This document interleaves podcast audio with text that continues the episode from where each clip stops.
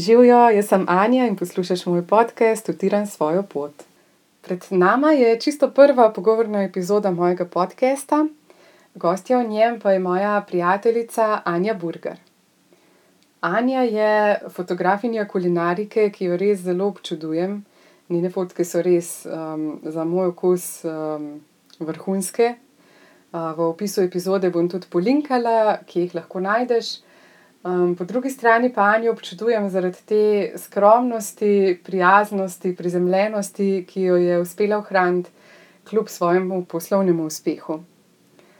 Um, Najn pogovor se mi zdi res uh, zelo navdihujoč uh, iz tega vidika, um, ker uh, izpostavlja tudi mnoge neuspehe, tudi mislim, neke izzive, s katerimi se je srečevala in se z nekaterimi še vedno srečuje, in o tem, kako jih premaguje, o tem, kako sama gleda na uspeh, na samozavest in še marsikaj. Tako da ne bi dolgo vezila, jaz te kar vabim k poslušanju epizode. Uživaj v poslušanju!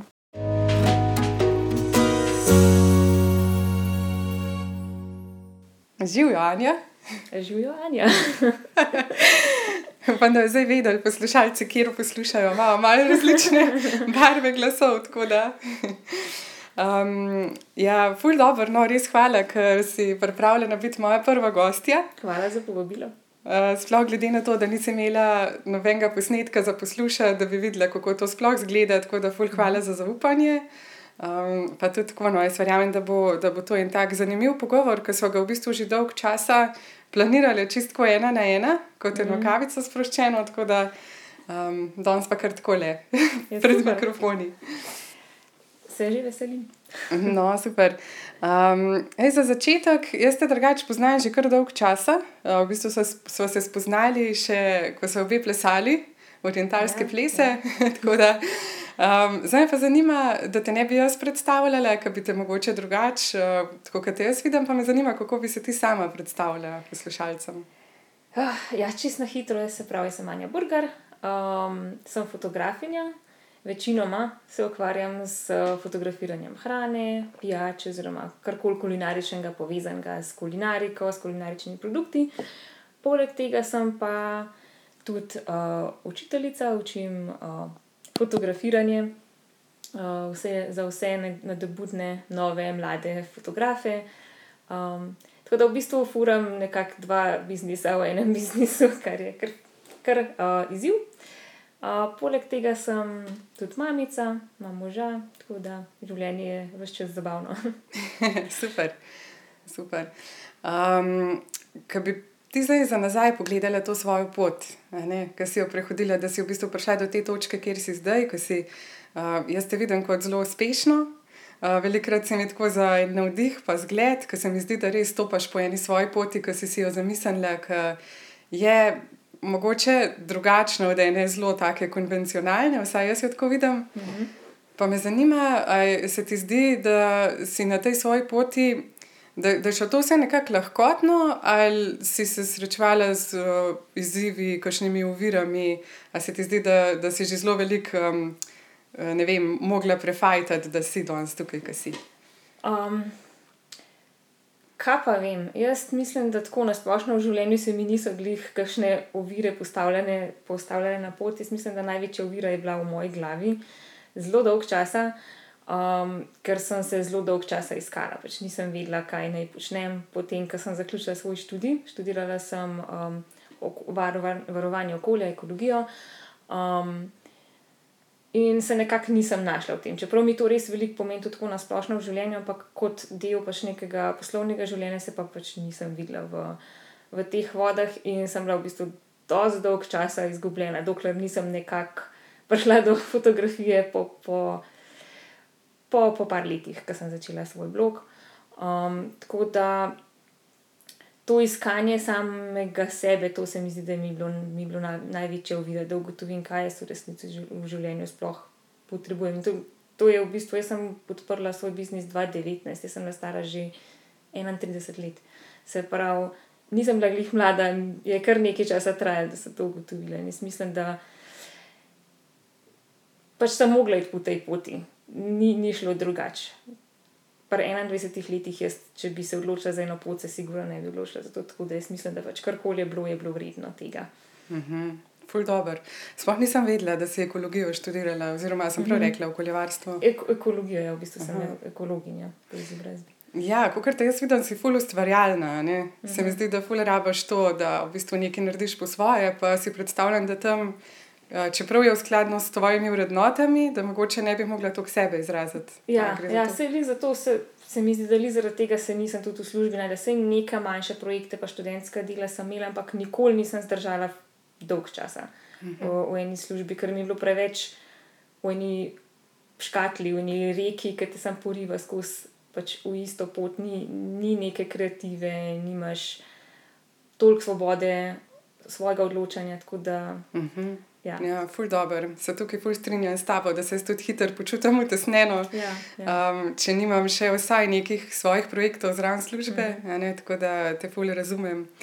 Kaj pa tako, če pomisliš, ko si bila ti še, ne vem, otrok, pa si si predstavljala svoje življenje nekoč, si si predstavljala svoje življenje pri 35, tako kot ga zdaj živiš, si si predstavljala, da boš imela družino, da boš imela svoj biznis, ali niti nisi o tem razmišljala. Ne, po mojem, da težko zdaj rečem, čisto procentno, ampak ne vem, če sem si kdaj razmišljala, da bom sploh šla v kakršne koli poslovne vode.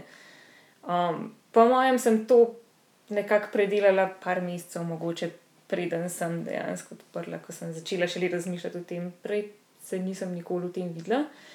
Niti ne vem, če sem zelo, zelo razmišljala, zelo dolgoročno, kaj, kaj, kaj bom pa, kaj lahko naredim. Ni, ni bilo, je kar prišlo tako dosti spontano. Aha, hudo. Um, si omenila, da si že bila zaposlena včasih. ne? Mhm. Kaj pa recimo, tako, če primerjaš, a te zdaj kaj straši ta svoboda, oziroma kako, v čem ti vidiš vse te pluse in minuse, ne redne zaposlitve, pa mogoče tega, kar zdaj delaš. Um, a ne, ker se mi zdi, da ja, se vsi vemo, vem, kje so plusi in minusi, ampak vsak to doživlja drugače. Pa me zanima, Ja.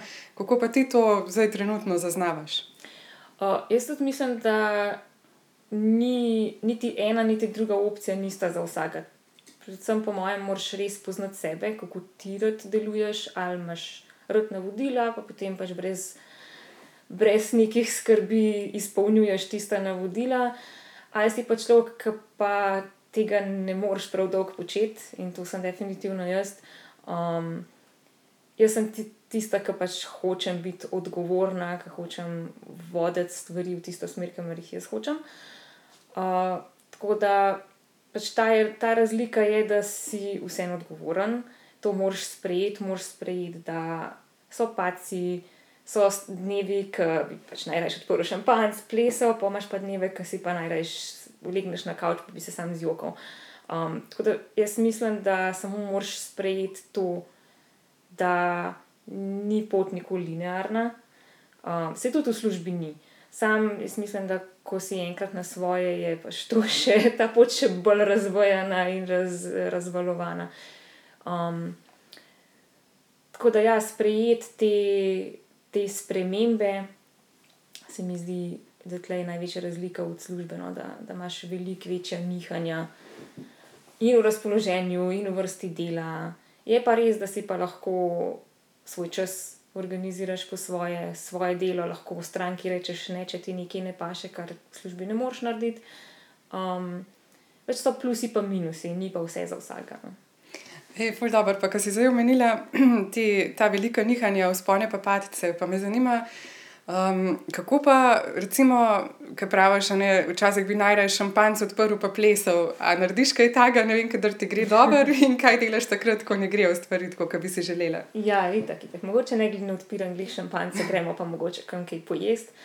Um, kadar mi pa ne gre, se tudi zjokam, ampak uh, imam to srečo, da imam metoda mojega moža, ki ki mi je zelo uporo in uh, karkoli imam, kadarkoli imam kakršen koli problem, mi pomaga.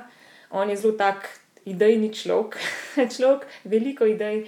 In kadar jaz nekako ne najdem rešitve iz situacije, je on vedno tam, da mi da kakšno svojo idejo, malo skupaj brainstormava. Um, vsekakor pa um, tudi kakšen sprehod, um, mogoče sam čas s svojimi mislimi, brez da si obremenjen, da moraš zraven še nekaj početi. Uh, to so tudi stvari, ki ti mogoče dajo neko usmeritev, da se lahko poglobiš samo v sebe, pa vidiš, kje dobro delaš, kaj si zafrknil, kaj bi mogel popraviti.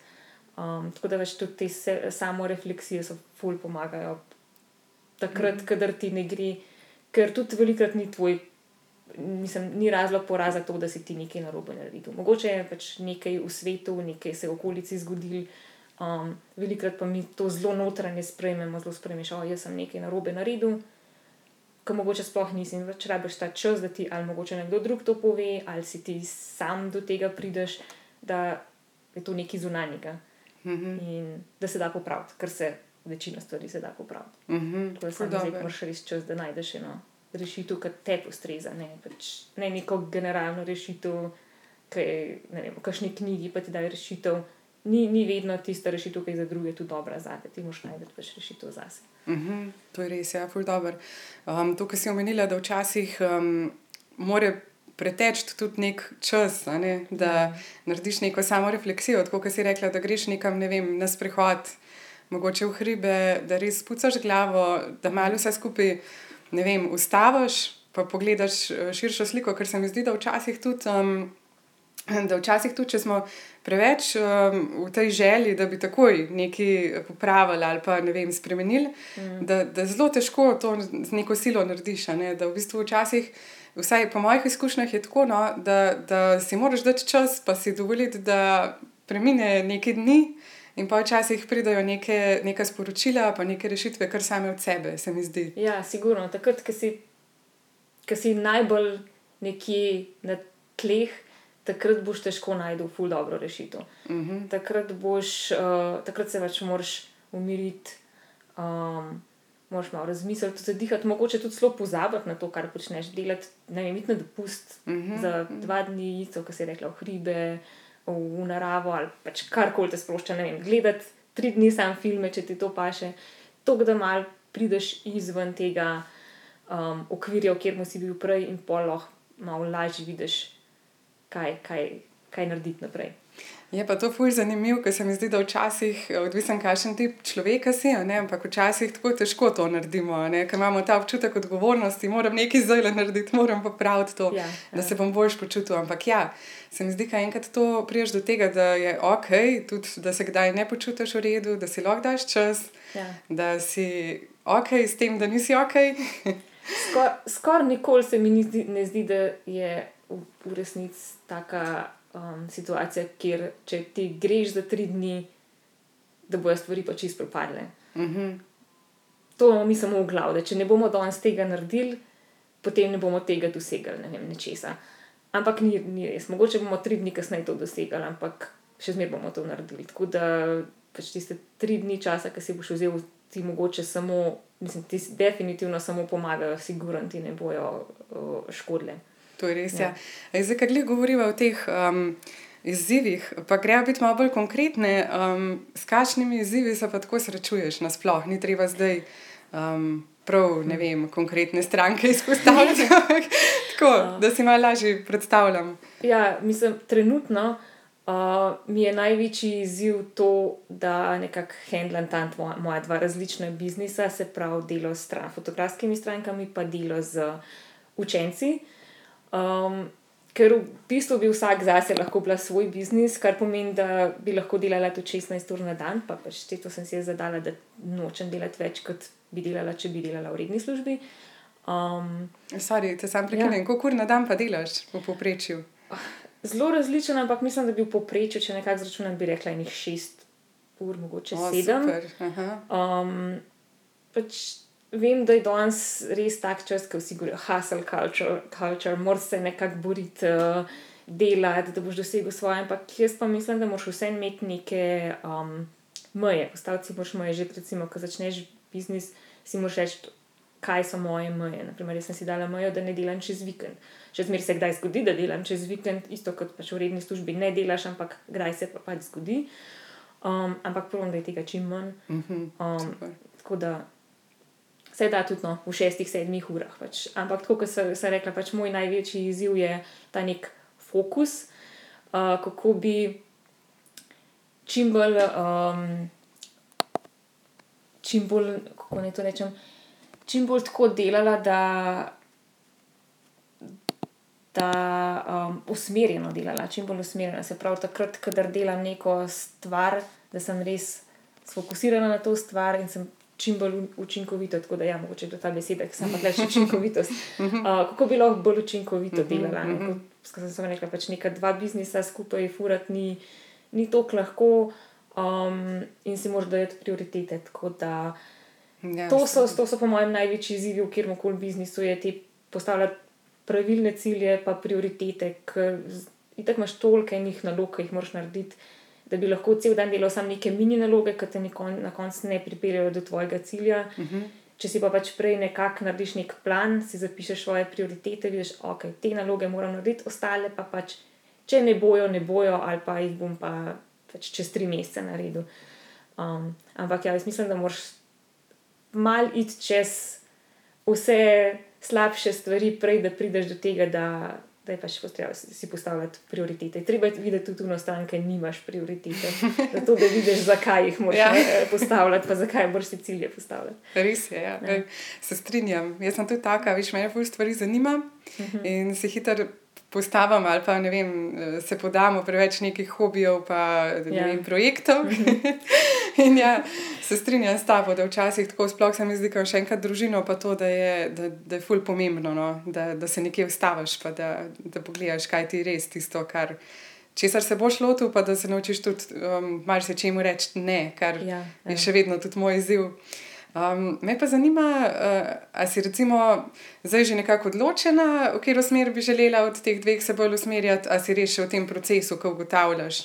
Um. Ker verjamem, ja, da je to v bistvu dvojen kontent, uh, dva različna mm. tipa strank, v bistvu tako, kot si rekla, res dva različna biznisa, kar je dolgoročno kar težko. Je, je. Yeah, um, tako se mi zdi, da mogoče tudi uh, z letnimi časi, pa z leti mal niha, mal kaš, mogoče pol leta je bolj pač fotografsko delo, pol, pol leta mogoče imamo malo, več dela z učenjem. Uh mhm. -huh. Tako da malo niha, kar je ok, da ni skozi isto. Um, da bi prvo točno se odločila, ne za enkrat imam plan še oboje delati, bomo pa pač videli, se nekako mhm. -huh. puščam. Uh, čas v čas. Ja, uh, ne, ja. veš, kaj se mi zdi, fulj velik izziv. Ti imaš že um, neke, rekla, vsaj jaz vidim tukaj pri sebi izziv, da um, veš, kje so tvoje močne področja, veš, mm -hmm. kakšne so tvoje vrednote, če se si želiš, ampak vseeno pa moraš biti nekako odprt za priložnosti, tudi, ki se pojavijo. Ja. Um, kar je včasih lahko tako malo dvorezen meč, ker te mhm. spet lahko kaj malo povleče na stran fokusa, po drugi strani pa lahko dobiš res ful dobro priložnost in pač se s tisto, um, rekla, se prepustiš in um, je to lahko recimo super. Ja, jaz, kot pač nek kreativc, se mi zdi, da bi težko cel življenje delala čist isto stvar. Tako da tudi ne vem, ali bom čez deset let še fotkala hrano, mogoče se mi bo pač. Mi bo dolg čas trajalo, mogoče bom čez deset let fotkala, ne vem, šport, ne vem. Pač, eh, puščam si res odprto možnost, ker tudi, če ne jaz, se tudi svet spremenja. Hmm. Mogoče čez deset let ne bo noben več rabo fotk hrane, bo rabo nekaj drugega. Tako da jaz mislim, da se vsem, sploh kot kreativc, moram pustiti neko odprto možnost, da bo moja pot šla mogoče v neko drugo smer. Mm -hmm. uh, yeah. Tako da ne bi se res v škatlo mm -hmm. nekam zaprla. Ali pa ja. mogoče, da si daš nek time frame, ok, naslednje tri mesece je moj fokus to, pa bom pa videla, ne, kam ja. bo to naprej peljalo. Ja, se to sem mislila bolj dolgoročno, kratkoročno. Moš definitivno ja. imeti neko usmeritev, pa cilje. Ja. Ja, ja, ja. To pa absolutno. Um, veš kaj, zdaj mi dve kar precej govoriva um, tako, o tem, kaj delaš, ampak nisem pa še čist konkretno povedala. Uh, to se pravi, um, ti hrano fotkaš za različne naročnike, to se uh mhm. -huh. pravi za podjetja. Um, Pa tudi um, učiš, to se pravi, učiš hran, fotografirati hrano, uh -huh. druge mhm. To počneš predvsem online, ne? če jaz to prav vem. Uh, večinoma imam online, zdaj uh -huh. sicer letos bomo imeli tudi en mednarodni dogodek tukaj na Gorinskem, da bo prišlo par učencev, pa bomo pač skupaj par dni preživeli. Ampak večina stvari je pa še vedno online, tečaji, delavnice, uh -huh. um, take stvari. In to imaš v bistvu po celem svetu, ne? to imaš ja. v angleščini. Ja. Super. In iz kje imaš največ, recimo, učencev, da tukaj spremljaš? Um, včasih se mi je zdelo, da je bilo veliko več Amerike, zdaj se mi zdi, da zadnje čase je zelo veliko Euro, Evropejcev, uh, da se je kar tako mečkan mogoče zamenjal. Uh, drugače pa uh, južna, severovzhodna Azija, to so tudi ene države, ki so v bistvu zelo v razvoju, oni nimajo toliko še zelo razvitega. Pač fotografiranja hrane, tako kot poklic. Uh -huh. um, tako da imam tudi kar veliko um, učen kot tam, uh -huh. In pol tudi pač slišim malo, um, kako je pač čist nek drug, um, drug svet, no, ki tega ne jemljajo kot poklic. Pri nas smo že pač toliko naprej, da to je že poklic, v redu, fotkaš hrano, super, dober poklic, tam pač če fotkaš hrano, so tako. Mm. Kaj pa nas veš, če si včasih, ki si bil umetnik? Mm, ja, veš, mm. Včasih pa živiš, ne. Ja, ja, je um, dobro, da smo v bistvu ja. že tako napredovali. Se ja. mi zdi, da se vedno primerjamo z Ameriko in imamo mm -hmm. skozi feeling, da smo nekje zadaj. V bistvu pa če gledaš tako svet kot celoto, vidiš, da, ne, da ne, nismo, ne. imamo dobre ja. prednosti in ja. priložnosti tudi tukaj. Ja, in v bistvu, um, kakorkoli se mi zdi tako le, če. Um, če si mal pogumen, pa da okay, ti res, tudi, res obvladaš angliščino, ne? ampak um, tudi če ne bi no, bila tvoja angliščina na tako dobrem nivoju, se mi zdi, da je splet, uh, da prenaša eno tako priložnost, da res tvoj trg postane v bistvu brez mej, tako ja, rekoč. Ja. Mislim, da tudi, ko sem začela, jaz moja angliščina je bila precej slabša, kot je zdaj. Tudi zdaj je delaš od popolnega. Ampak pač sem si upala, nekako sem šla čez to. Čeprav sem dost tako introvert, um, sem šla kar nekako čez to uh, in se pač z vsakim postom, z vsako objavo, z vsakim videom sem se več malo izboljšala. Tako da uh, me ne moti več to, če se kdaj malo zataknem, če kdaj kaj narobe povem, če stavek ni prav povem. Tako da tle, če hočeš iti na ta tuj trg, uh, se moraš sprijazniti tem, da nisi pač native speaker. To je, bistvu, je to v bistvu ljudem, vse. Ne, ne, ljudem ja. je v bistvu še zelo zanimiv. Meni je bilo včasih malo tako, ta slovanski naglas, no, veš, tako malo bolj trdo govorim. Uh mhm. -huh. Ampak, ko govorim pa s kakšnimi, z mojimi sledilci, Pa pač mi reče, ova, kako je fino, kako imaš lušten na glas. Tako, pač njim se to lušten zdi, nam se zdi tako mal, mm, njim se zdi pa lušten. Ja, jaz tudi ponavadi slišim, da je simpatično. Ja. Čeprav, kaj mi to kdo reče, se počutim slabo, no, iskreno. Ja, ja. se počutim tako, joj, še kar nisem tega svojega neglasa, neko kar zradirala. Tega nikoli ne bomo, če ne, ne bomo živeli pač v, ne vem, bi se preselil v državo, kjer govorijo angliški in bi samo cele dneve to govoril, ja. se ne boš pač nikoli tega z njim bil zelo težko. No. Ja, res je. Zelo redko. V bistvu to je mogoče en del sprejemanja sebe, ja. ki se ga lahko učiš prek tega. Ja.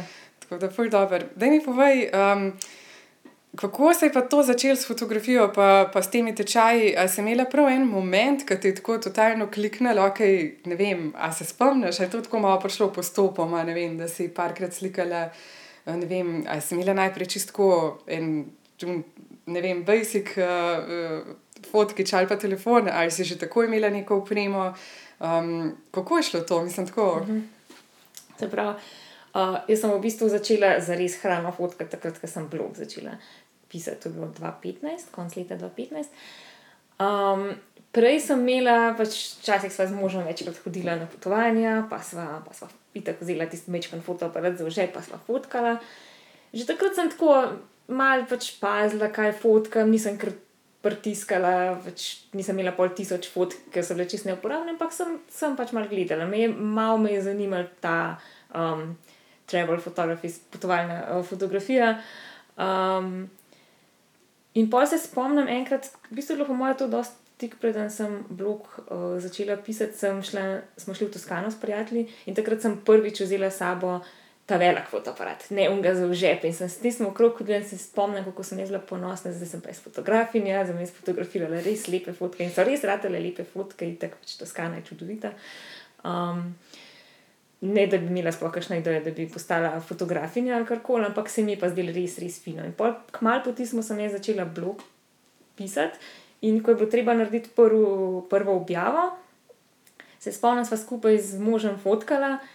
Nisem jaz postavila tisto jed, mislim, da sem fotkala nekaj zbučo. Um, nisem jaz to fotkala tako, da sem postavila na mizo in rekla, ok, pač malo pritisneš. Ne?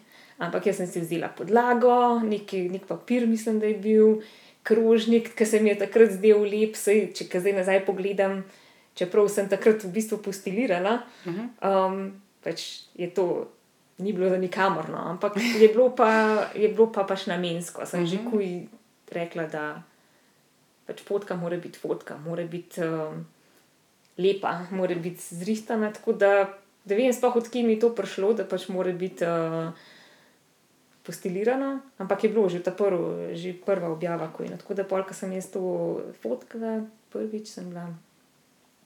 Sem videla, da mi je fajno, da, da je fino razmišljati o tem, narediti nek plan, pol to pofotografirati, malo obdelati. Uh Mhm. -huh. In v bistvu sem pa vse nadaljne na isti način počela, sem pač začela sem se malo izobraževati. Aha, pa si se tudi sama izobraževala prek uh, spleta, prek takih Ja. tečajev? ali? Takrat tečajev, kakšnih, mislim, mogoče je bil jaz, ga nisem zaznala, ampak bilo je res veliko manj teh vsebin, kjer bi se lahko naučil. So bile, jaz sem nek, neki zastonski tečaj, ki je bil v bistvu uh, samo napisan, ni- nisi imel ti videa, pa da bi ti kdo kaj demonstriral, ampak je bilo pač samo napisano z nekimi nalogami. In takrat sem jaz to, ta tečaj, mislim, da je bilo neki 30 dni, sem vse naredila, vsak dan sem fotkala po tistih navodilih. In se mi zdi, da pač je bil pol res, res preskokno. Hudo. Ful dobr, Ja. Super. Ej, kaj pa, je ta preskok na, na to, da si rekla, ok, zdaj pa jaz to znam, recimo, da bi pa jaz to naprej predajala. Um, -hmm. Kdaj je to prišlo, kako A so te, tako, so te drugi sprašvali, kako ti to narediš, da jaz bi se tudi naučil, pa si pa tako dobila idejo, ali si. Sploh ne vem, v bistvu. zdaj pa še sploh nimam pojma, kako je to prišlo. Ker ne, nekako um, ne vem.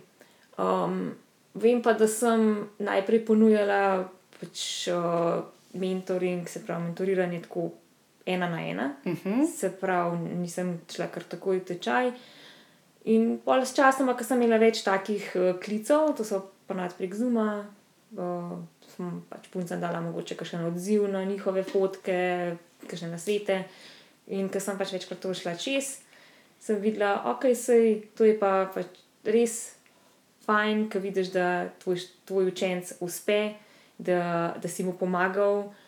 Um, in da v bistvu tvoji nasveti so nekomu izboljšali življenje. Takrat sem pol nekako videla, da tečaj bo, bo fajn, ker pač lahko dosežeš večjo množico ljudi. Zdaj ena mm. na ena je vse fajn delati, super je, ker imaš kontakt a, a, s človekom, ampak a, ne moreš pa toliko ljudi doseči spet, veliko časa ti gre.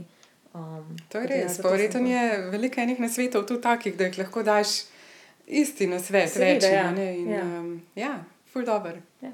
A pa si kdaj imela, recimo, kakšne te dvome, ne vem, v smislu, a imam jaz dovolj znanja, um, da sploh govorim drugim, mogoče v začetku, ne vem. Ah, to imaš še zdaj, to, Aha. ne, to imaš vedno. Jaz mislim, da uh, ne samo v predajanju znanja, ampak tudi tako v svojem delu.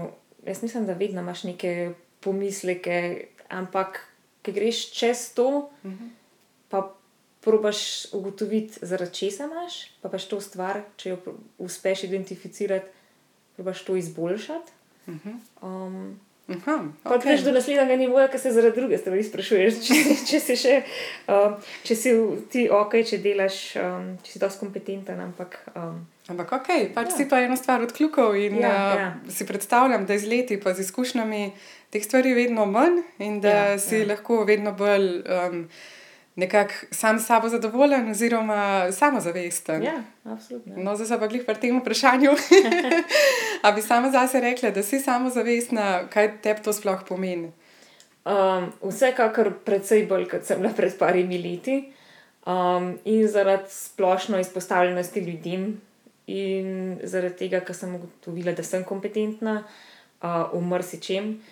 Um, tako da te spet smo pri samo refleksiji, samo refleksija je res nekaj takega, kar ti pač da tvojo samozavest. Zdaj ne moreš biti samozavesten na vseh področjih. Uh -huh. Uh, tako da moraš nekako ugotoviti, na katerem področju si samozavesten. Tako da tudi jaz nisem na vseh področjih samozavestna. Um, in probam čim bolj podpirati tiste področja, na katerih sem ali pa uh -huh. na katerih vidim, da imam potencial, da bom. Uh -huh, uh -huh. Ali pa da si počasi doziraš, ono, kar še nisi. Ja, ja počasi. Da ni ta skok v vodo preveč nasilen. Uh -huh. Lih letos v bistvu sem se spravila delati uh, kot nek mini projekt, oseben, um, da naredim eno stvar na dan, ki me je strah početi. Um, zdaj sem sicer šele pri tretjem, ne četrtem dnevu. Um, tako da lahko so tudi take čist majhne stvari, lahko so večje stvari, zdaj imam že več nek spisek stvari, ki mi jih strah naredi. Um, in jih probujem v čim večji meri implementirati, da bomo videli, kako bo ta projekt učil. Kako si rekla, eno na dan? Eno na dan. Wow, se, to so lahko res zelo mini, kot ne vem. Nekoč mi je bilo zelo strah poklicati stranko po telefonu, uh -huh, uh -huh. recimo, pa me zdaj ni. Uh -huh. Zato, ker sem to večkrat naredila. Tako da mogoče take stvari, ki ti niso pa so, mogoče čisto majhne, se niso velike uh, in to narediš. Da, best. In kje je danes? Uh, ne vem, danes še nisem nobene naredila, to je tako nekako sproti. Mogoče ta podcast. podcast, evo, vidiš. Hej, fuj, dober. Um, moram ti povedati, ko je vam malo za omes, za, za hec. Um, mm -hmm. Uh, nameravam posneti tudi uh, pogovor z mojo učiteljico joge. Uh, uh, in ko smo to načrtovali, je rekla: Višanje, tam po 12. januarju, da je takrat glih retrogradni Merkur se umika. Jaz nimam pojma o tem, ampak mi je bilo tako fajn, nisem, nisem sem to pač pozabila, pojna na ta nasvet. Um, in ko sem včeraj pomislila, da je to že pa 12, zdaj sem si rekla, da je super. Ampak da je to 12, je že, je to že ja, ja. 12. V redu je. Verjamem, da, da je to to. Ja. Tako da je best. Um, ok. Uh, veš kaj, um, gremo se zdaj mečken, mogoče vseeno umakniti stran od posla, uh mhm. -huh. pa me še zanima, um, kaj, pa, kaj pa rada počneš tako, recimo, kadar ne delaš, kadar si mm -hmm. prosta. A si recimo težko, ker si predstavljam, da si full um, srcem v tem, kar delaš, mm -hmm. a se težko čisto odtrgaš, a še vedno premlevaš, tako v pozitivnem smislu, mogoče tudi. Um, kaj vse bi še lahko, pa ne vem, kaj te še čaka, ali si res lahko daš tisto možgane na off in samo si, recimo, z otrokom ali pa. Mm, Kako je, to bom rekla. Kakšne dneve imaš, ker ti pač stvari ležijo v glavi in se jih ne moreš znebiti. Um, takrat grem ponad plezati. Jaz sem začela takrat enkrat po koroni ali pa med korono plezati. Um, in je to ena taka sprostitev, ki grem tja. In med plezanjem ti ne moreš razmišljati, ti moraš razmišljati o problemu v steni, in mi je to ful, fajn sprostitev za takrat, kadar, kadar se ne morem um, nekako z mislimi odmakniti od svojega dela. Takrat, kadar se pa pač lahko, vse večinoma se lahko, um, sem pa pač svojo družino, mi zelo radi hodimo v hribe ali pa na izlete. Uh, Geocache iš, iščemo. Ja, to še vedno um, delate. Ja, super.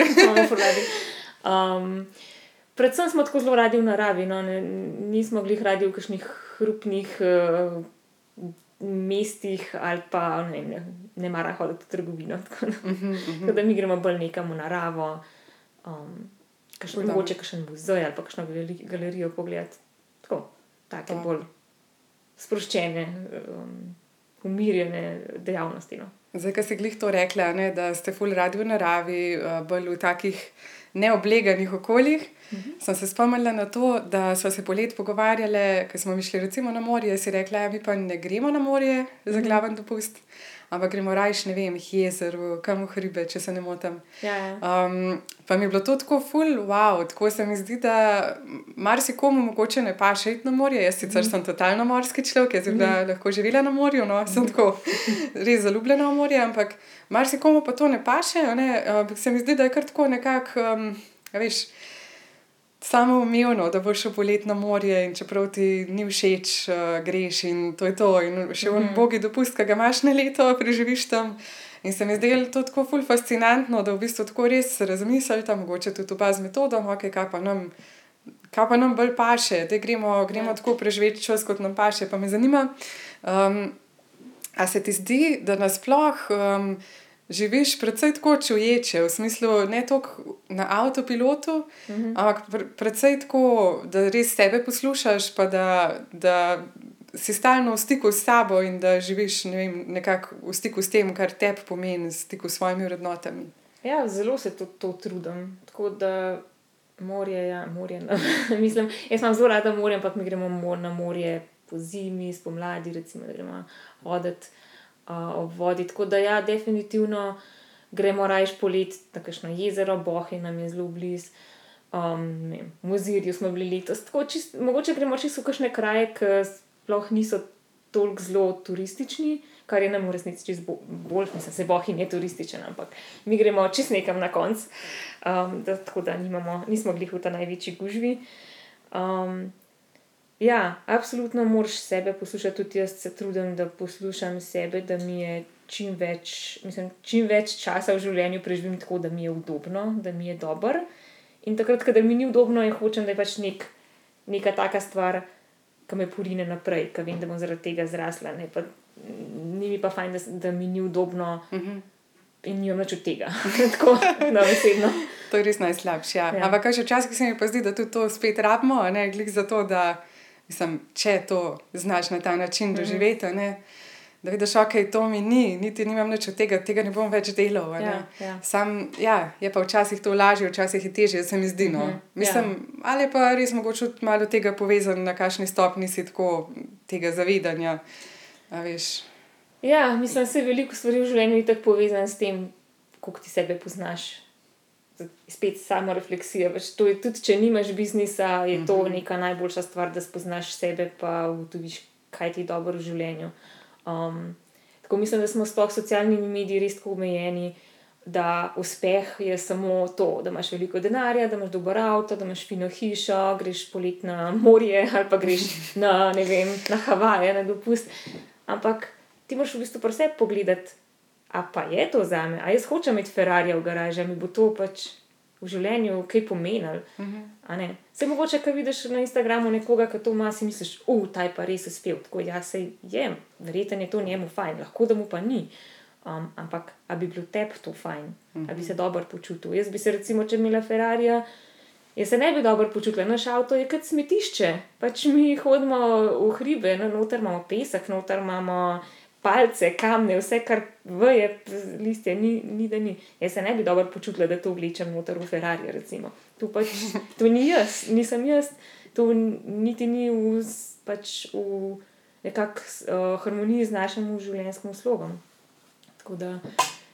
Je ful dobro. Tudi to, kar si omenila, socialne medije, pa samo refleksijo. Veš, um, Veš, kaj opazim, tukaj je teh državljanov ja. na vseh koncih in uh, še posebej s socialnimi mm. mreži, da te to fully odvrača od te samorefleksije. Ne, mm -hmm. ne vem, da bi zvečer recimo vzel knjigo ali pa še bolj sploh ne bi vzel knjige, ja.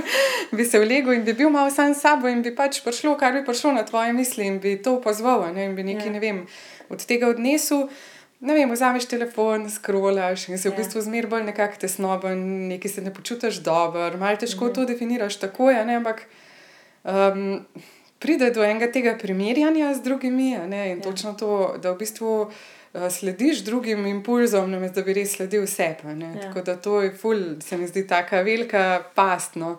Še posebej, če pomisliš, ne, da smo mi odrasli ljudje, da kašni mlajši ne, uh, so še toliko bolj. Uh, dovzetni za to. Ja, tako da je to kar grozno po eni strani. Mislim, tako, um, je pa zanimivo to, ne, da v bistvu ti si ful, ful uspešna, ne, kar se tiče biznisa na Instagramu. Ti imaš neko, kako imaš zdaj sledilcev. Ja, nekih 90 tisoč. Noro. Ja.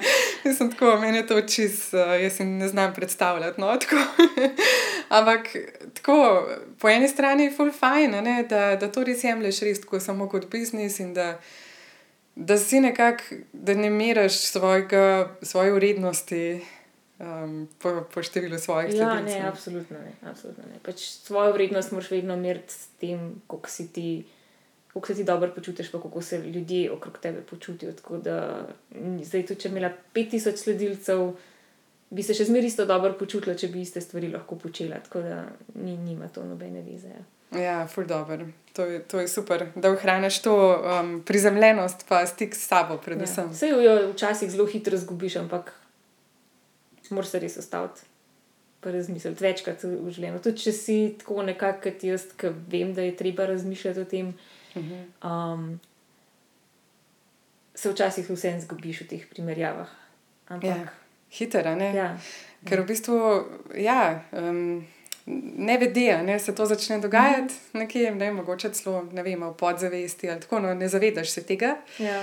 In um, ja, veš, zanimivo, no, ker smo glih pri tem. Jaz sem recimo um, z novim letom, cel december sem se počutila nekaj slabo. V bistvu, hčerke sta bile kar naprej bolne, jaz sem bila že vsa naveličana, tiste njege, včasih tudi po en teden, dva nisem sploh šla ven iz stanovanja, tako da sem bila res v enem takem obdobju, no, um, uh, slabem in v bistvu. Kar naenkrat me je tako res umka strela z jasnega zadelja, si bom pa vse um, aplikacije uh, uh -huh. družbenih medijev na telefonu zbrisala. Tako da Super. ne hodim mal, veš, tisti iz navade ja. gledati, če je še nov notifikation. In ti uh -huh. povem, da sem se prav boljš počutila res uh, v teh prvih dneh januarja in da točno to, a veš, ko sem mal samo spustila vse skupaj, uh -huh. je kar prišel nekje na vdih in um, evo, recimo za ta podcast. No, ja, vidiš. ja, da si se pač uspela, mislim, si dobila, prišla si do svojega časa. Verjeten. si prej samo skrolala, mislim, to zdaj si svojih izkušenj. Vem, pač, če si na Instagramu skrolaš, skrolaš, skrolaš in sam nekako gotaš tisto kontent, ki ti pač vse je mogoče, da še ti korist, večino od tistega tipa ni nič ne korist. Um, Namesto da bi se tako, kot si ti rekla, usedel na kavč, pa samo razmišljal vse, pa, pa bi se z nekom pogovoril, medtem, mislim, namesto da bi šel na telefon. Ja, hec je to, a veš, kaj mi, če se usedemo na kavč, imamo občutek, olej, nič ne delamo. Ne? Ja, ja. Ampak to, to je res taka družba. Meni se zdi, da je to mogoče še malo iz teh starih časov. Um, Mm -hmm. ker če nisi neki fizično delal, pol nisi več delal. ja. In nismo tok, nimamo toliko v kulturi tega, da se usedeš, pa nič ne delaš. Pa to je tako koristno. To je tako fino, da, da se lahko usedeš in ne delaš nič, da se usedeš na stol in sam gledaš ven skozi okno. Jaz se spomnim, jaz zelo dolgo časa nisem hotela imeti eh, pametnega telefona. In sem imela pač nek slab telefon, nek, lahko si šel na internet, ampak to je trajalo, to si gled, za kakšen e-mail prebrati. In pa ne vem, kaj si bil na avtobusu, si bil v čakalnici pri zdravniku, kaj si počel takrat. Noč, gledal si v krog, mogoče si kaj razmišljal, ali pa si gledal, ali pa si se s komu zapletel v pogovor, zdaj pa več prideš nekam in vsi so tam na telefonu. Vse sem jaz ista, sej, jaz nisem več drugačna, ampak probam včasih iti s prazno baterijo, zato da, da vem, da če bom scrollala, mi bo, se mi bo ugasnil telefon uh, in pa pač sedim in gledam. Ful dobro. Ne, res, um, jaz sem imela v bistvu tako različna obdobja v življenju. No, se mi zdi, da v zadnjem času sem več na telefonu, kot sem bila, kar je zanimivo. Ne, sploh glede na to, da imam majhne otroke, bi si želela, da bi bila skoraj noč. ne. Ja, ja. Um, imela sem pa obdobje, ko sem bila zelo veliko v teh um, vajah čuječnosti uh -huh. in takrat, recimo, mi čist pasal. Da, ja, recimo, jaz sem eno leto preživela na Novi Zelandiji, ker sem se s čuječnostjo tudi prvič srečala. In jaz se spomnim, da tam ker je bilo ful priložnosti, da bi fotkala, da bi to širila na družbenih omrežjih. Tega nisem delala, uh -huh. ker sem bila tako, ok, ne, jaz sem zdaj tukaj v trenutku, jaz vem, da sem tukaj, sem prišla zaradi sebe, jaz vem, da fotka nam mogla, ne vem, meni ali pa drugim toliko povedati o tem, koliko je meni Ja. zelo fajn, kako jaz lahko to doživim v tem trenutku. a Ja. ne. In um, zanimivo je to, a veš, takrat je bilo to meni ful jasno.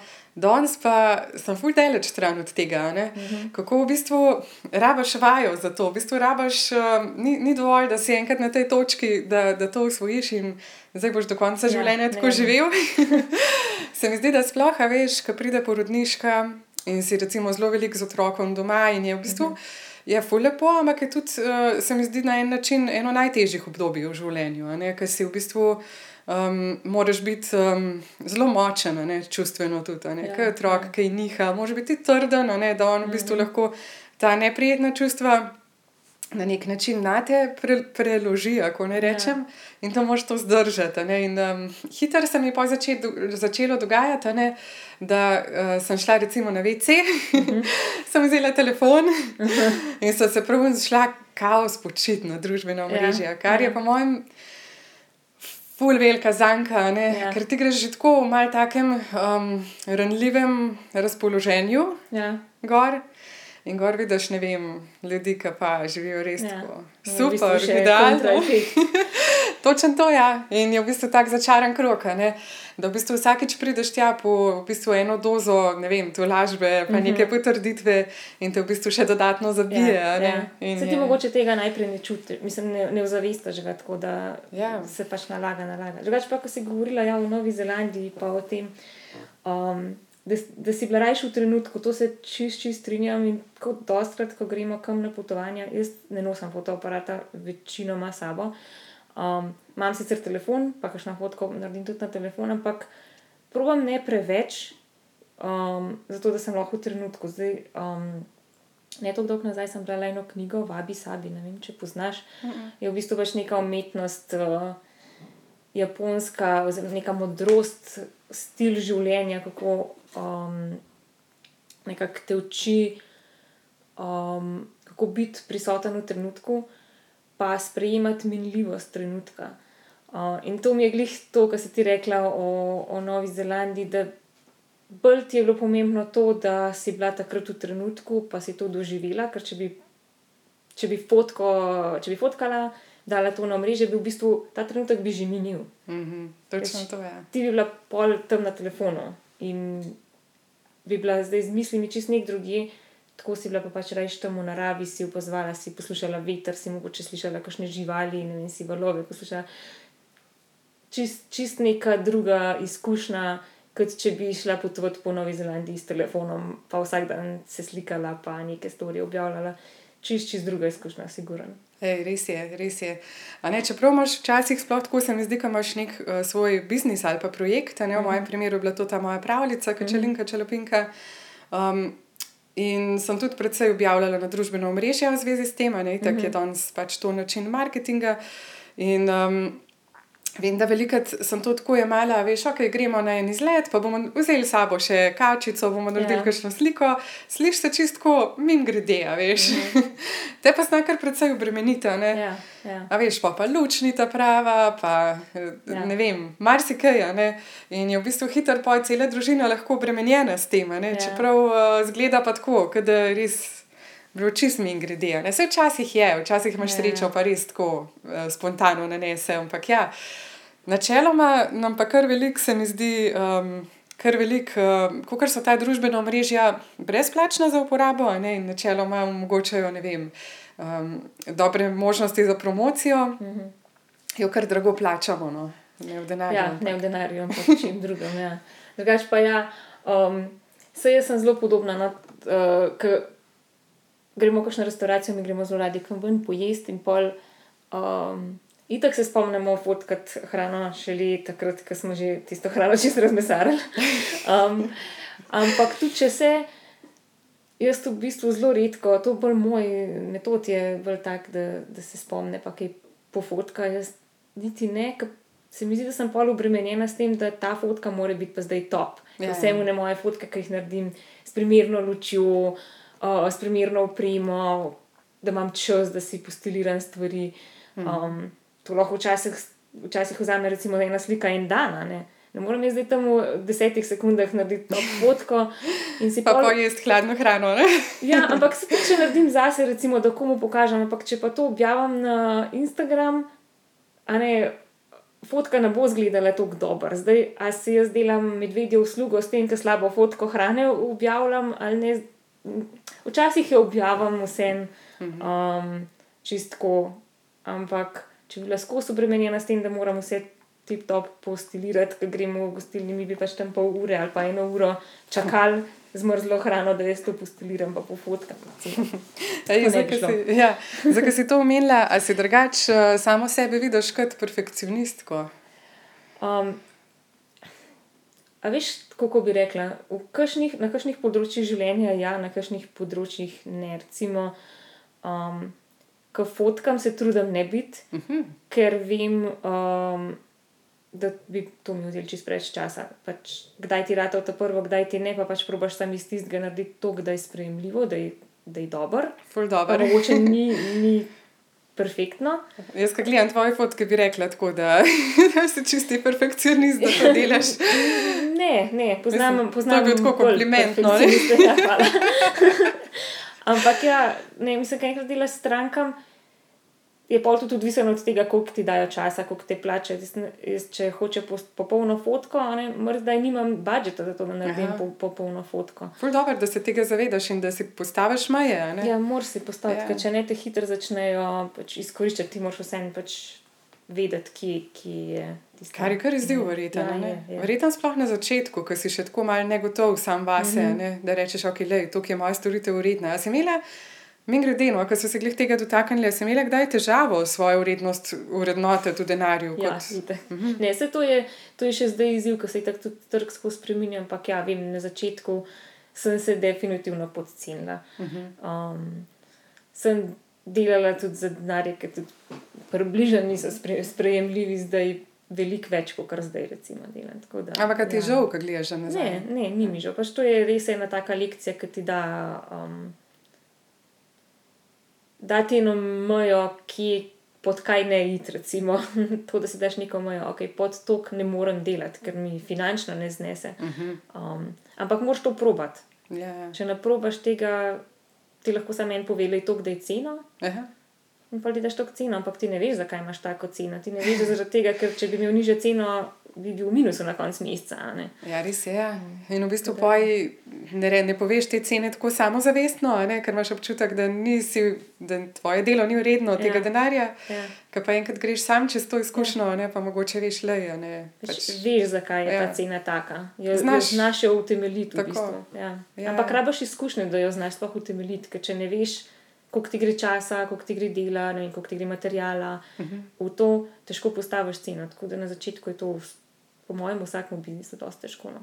A pa poj zdaj recimo sprem, spremljaš konkurenco, da glede na njo um, korigiraš ceno svojih recimo tečajev Ja, fotkanja. mislim, za take stvari, ki so mogoče bolj javno znane, kot so ti tečaji, tu definitivno. Ja. Um, kar se pa tiče dela s strankami, je pa to več ali manj pač izkušnje, uh -huh. pa koliko jaz hočem, pa moram zaslužiti, tako da to pa na, na podlagi tega tudi. Kaj pa tako, ne, glede na to, da imaš svoje podjetje, koliko si pa obremenjena v smislu varnosti, ne vem. A veš, um, a si tako zaupaš v prihodnost, pa ne vem, mogoče tudi zelo kaj vizualiziraš, kako bo, pa se prepuščaš, pa se v bistvu veseliš uh, tega svojega ustvarjanja, a te doskrat, mogoče v kakšnih bolj, ne vem, težkih dneh.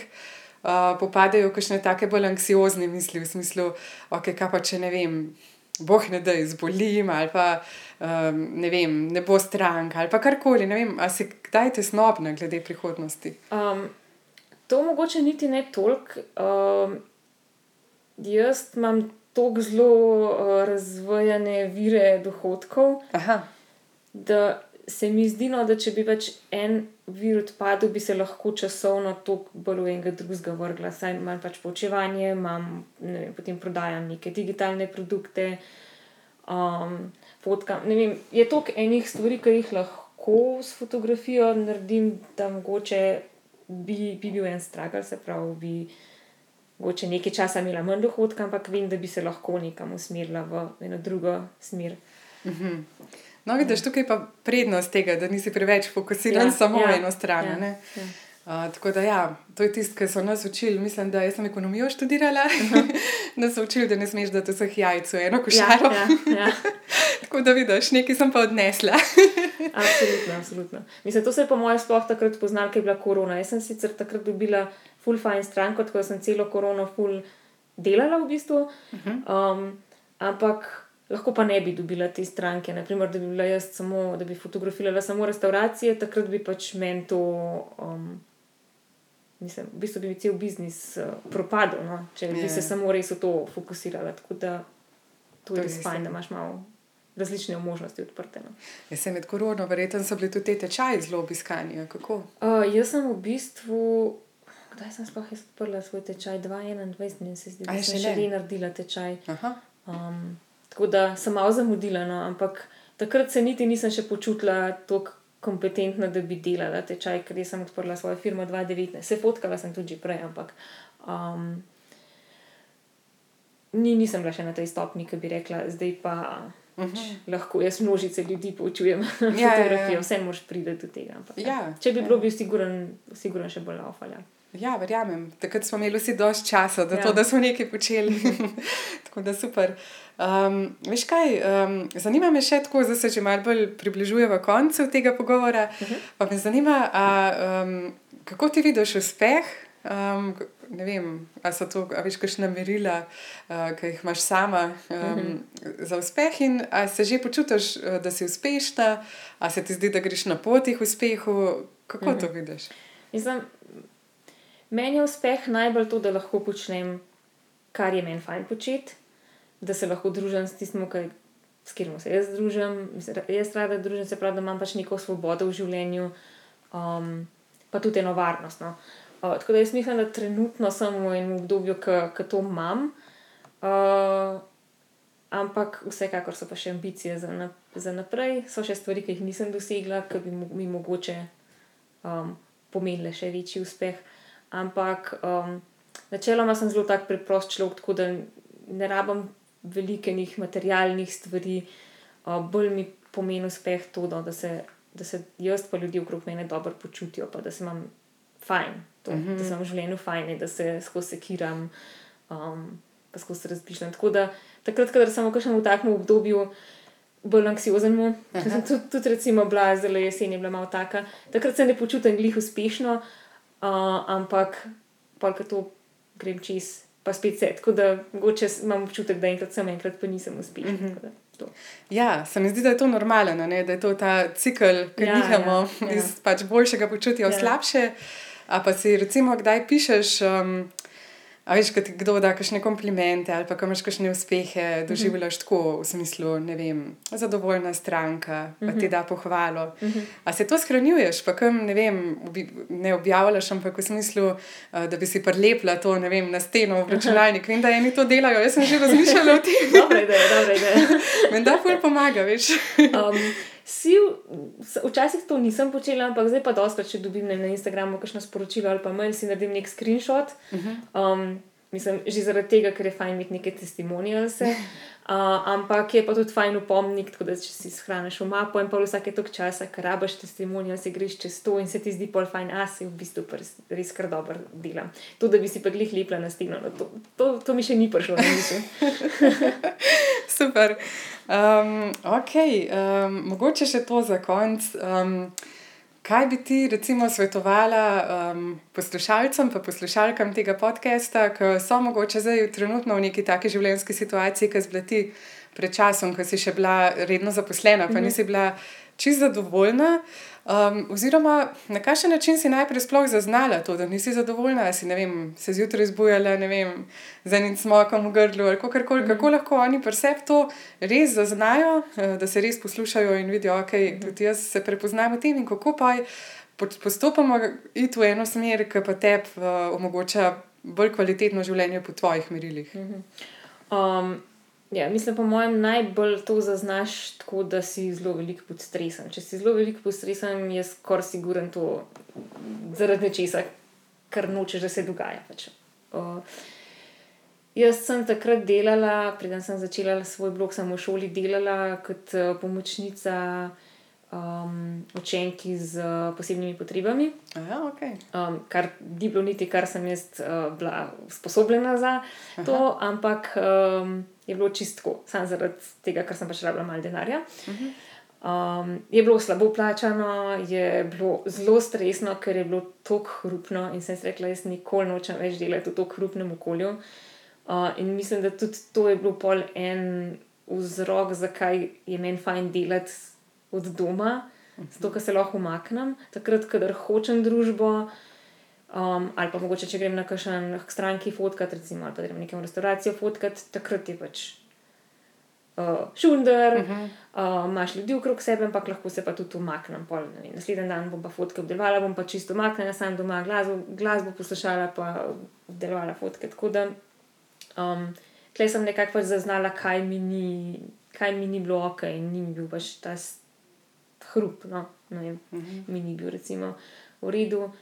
Um, in tako hočeš mi tudi boljšo plačo. tako da če, če hočeš uh, iti na svoje, je siguren fajn, da najprej razmišljaš, kako, kako pride do tega, da boš imel dost, dost hrane, ne dost hrane, dost denarja, ker so pač stroški povezani s tem, da imaš odprt svoj posel. Um, In jih ni malo. ne? Ne, ni jih malo, sem imela to srečo, no, da takrat, ko sem postila službo, je metod imel zelo dobro službo, tako da sem postila službo in sem bila v bistvu zelo dolg časa brez službe, Aha, um, ko sem se iskala. Sploh ne vem, v bistvu enih tri, dve leti, pa pol, res? sem pa, moje, mislim, pa sem pa zanosila, tako da uh -huh. tako nekako, uh Mhm. -huh. štiri leta, pol preden sem odprla. Uh -huh. um, ne, tri, štiri leta, preden sem odprla pol Ampak svoje takrat si podjetje. že imela blog. pa si Ja, že ja, blog sem imela, ja, ja. ampak nisem pa nič služila od bloga. Um, tako da vseeno je fajn imeti eno varnost. No. Ja, Mogoče jaz zdaj, če bi še enkrat to šla, bi vseeno raje imela saj ne vem. Polovični delovni čas, pa pol popoldne nekaj ustvarjala, ker takrat sem res zelo, zelo tvegala, da sem kar, kar spustila službo in sem bila kar brez. ja, ja, ja. Um, mislim, zdaj si to ne predstavljam. Ampak. Ja. ja, veš kaj, smo tudi v različnih situacijah, oziroma mm -hmm. V različnih okoliščinah. Ne? En ja. si Ja. to lažje prvoško, kot drug, ja. Ja. in moč pa po mojem tukaj res eh, nekako se tudi z domačimi pogovoriti ali ja. Ja, pa res ja. ja. biti iskren sam s sabo, kaj si lahko prvošaš, kaj pa ne. Ja. Ja, ne? V enem življenjskem obdobju, ampak ja, fuj dobro. Meni se tudi zdi- varnost rabaš, a ne? Ja. Ja. Meni se tudi zdi ta prehod ja, z nekim polovičnim delovnikom, recimo, kar taka dosti dobra, uh, dobra rešitev, marsikdaj. Ja, no. ja, zato mislim, če imaš, če res delaš 8 ur na dan, se tudi veš, a ne. Um, je pol vsta side business, vse, Hmm. kar po stran delaš, delaš pol v času, ki bi ga lahko preživel sam s sabo ali pa s svojim partnerjem ali pa z družino in Ja. to je res ful naporno. ne. Ja, ja. Um, tako da mogoče kakšen polovični delovni čas, pa da istočasno pol lahko razviješ svoje talente, svoje, svoje podjetje in mm. pol, ki vidiš, da ti zaštarta, pa pač pustiš svojo, svojo službo. To se mi zdi, da je tako neka taka idealna, ki bi jo jaz zdaj naredila, če bi mogla še enkrat od začetka. Veš kaj, lahko si hvaležna, da si imela tako painful izkušnjo, ne? da je bilo v bistvu tako slabo, Ja. da si se zbrcala, ker meni se zdi največja past. Takrat, kadar ni tako slabo, da bi res mogel vse spustiti. A ne? Uh, ampak ja, čak sem mal, tako le. Dobro, Anja, uh, jaz bi se ti v bistvu sam še zahvalila za ta pogovor. Res hvala, ker si bila moja prva gostja. Hvala tebi za povabilo. Upam, da nam je tole tehnično uspelo speljati. Tako da, um, ja, uh, se veselim, da se naslednjič mogoče spet uh, pogovoriva, ko bo pa ne vem, čez eno leto, ko bo mogoče čist drugačna situacija. Tako da, ja, a je še kaj, kar te nisem vprašala, pa bi ti hotla. Mislim, da smo kar pokrili veliko. Ni se mi zdi, Smo se kar razgovorile. Super. Ej, pa pa en lep sončen dan še naprej. Um, pa, ja, veliko uspeha, um, veliko te povezanosti sama s sabo. ki si jo Hvala, tako enako dobro tebi, pri izpostavila. tvojem podkastu. Se že veselim novih uh, epizod. Hvala. Čau. Čau!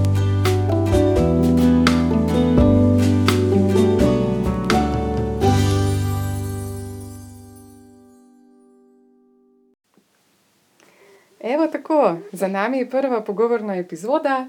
Hvala za poslušanje, hvala, ker si vstal oziroma ostala z nama za njo do konca pogovora. Upam, da je bil pogovor tudi zase, zate navdihujoč. Um, zelo bom vesela, če mi pustiš kakšen komentar um, na to epizodo, najlažje kar uh, na Instagramu, kjer me najdeš pod imenom podcast Utiram svojo pot. Um, moram pa priznati, da so bile za njo mečke nervozne, če bo šlo tehnično vse tako, kot smo si zamislili. Na koncu so imeli malenkost tehnične težave, tako da sem tudi ta podcast zaključila um, malo pohitreno, ampak uh, ja, lej, vsakič bo boljše, nekaj pa treba začeti. Tako da sem hvaležna, da um, nam je uspelo posneti to epizodo. Um, To bo za danes vse. Želim ti lep dan še naprej in se slišiva spet k malu. Čau!